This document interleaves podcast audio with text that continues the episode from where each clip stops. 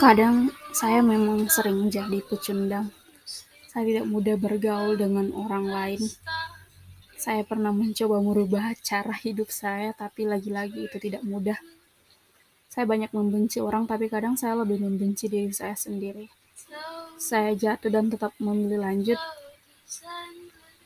Saya merasa kasihan untuk diri saya sendiri, tapi saya berterima kasih karena nyatanya saya masih bertahan sejauh ini dan akan selalu seperti itu. Selama ini saya banyak melalui masa-masa sulit, masa-masa di mana saya banyak bertengkar dengan isi kepala saya, masa di mana saya menangis sebelum tidur dan kemudian bangun di esok hari untuk mengulangi hal yang sama. Saya juga berpikir tidak punya siapa-siapa di dunia ini. Saya sendiri dan semuanya adalah palsu. Dan saya kembali menyalahkan diri saya sendiri. Saya kembali menyesali beberapa bagian dari hidup saya.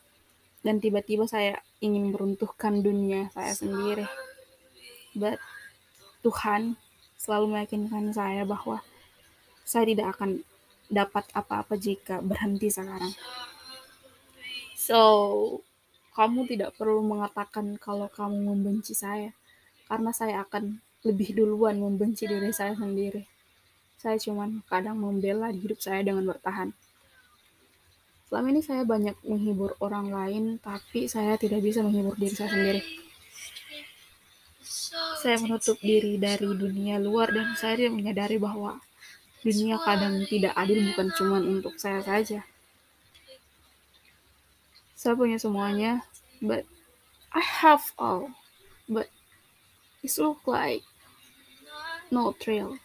Hanyalah rasa sakit yang saya punya. Saya membuka hidup yang baru. Saya ingin melupakan semuanya karena lebih baik saya tidak bertanggung jawab daripada saya harus kehilangan diri saya sendiri ya kan. So it's okay kalau saya pernah jadi pecundang karena tidak ada orang yang menjadi pecundang tanpa alasan. Dan juga jangan lagi pengaruhi saya dengan hal-hal yang tidak bisa saya handle. Karena sekarang kamu akan kecewa dengan jawaban saya. Jangan menarik saya kepada kesalahan yang bakal saya ulang lagi. Saya tidak tahu kapan harus untuk mencoba itu lagi. Dan juga tidak mudah untuk saya menerima apa yang tidak saya punya. Terdengar berlebihan dan palsu, begitulah adanya karena saya tahu bahwa orang-orang melihat saya sebagai orang yang periang, orang yang tanpa beban, tanpa pikiran, tanpa kesedihan. Dan itu semua salah.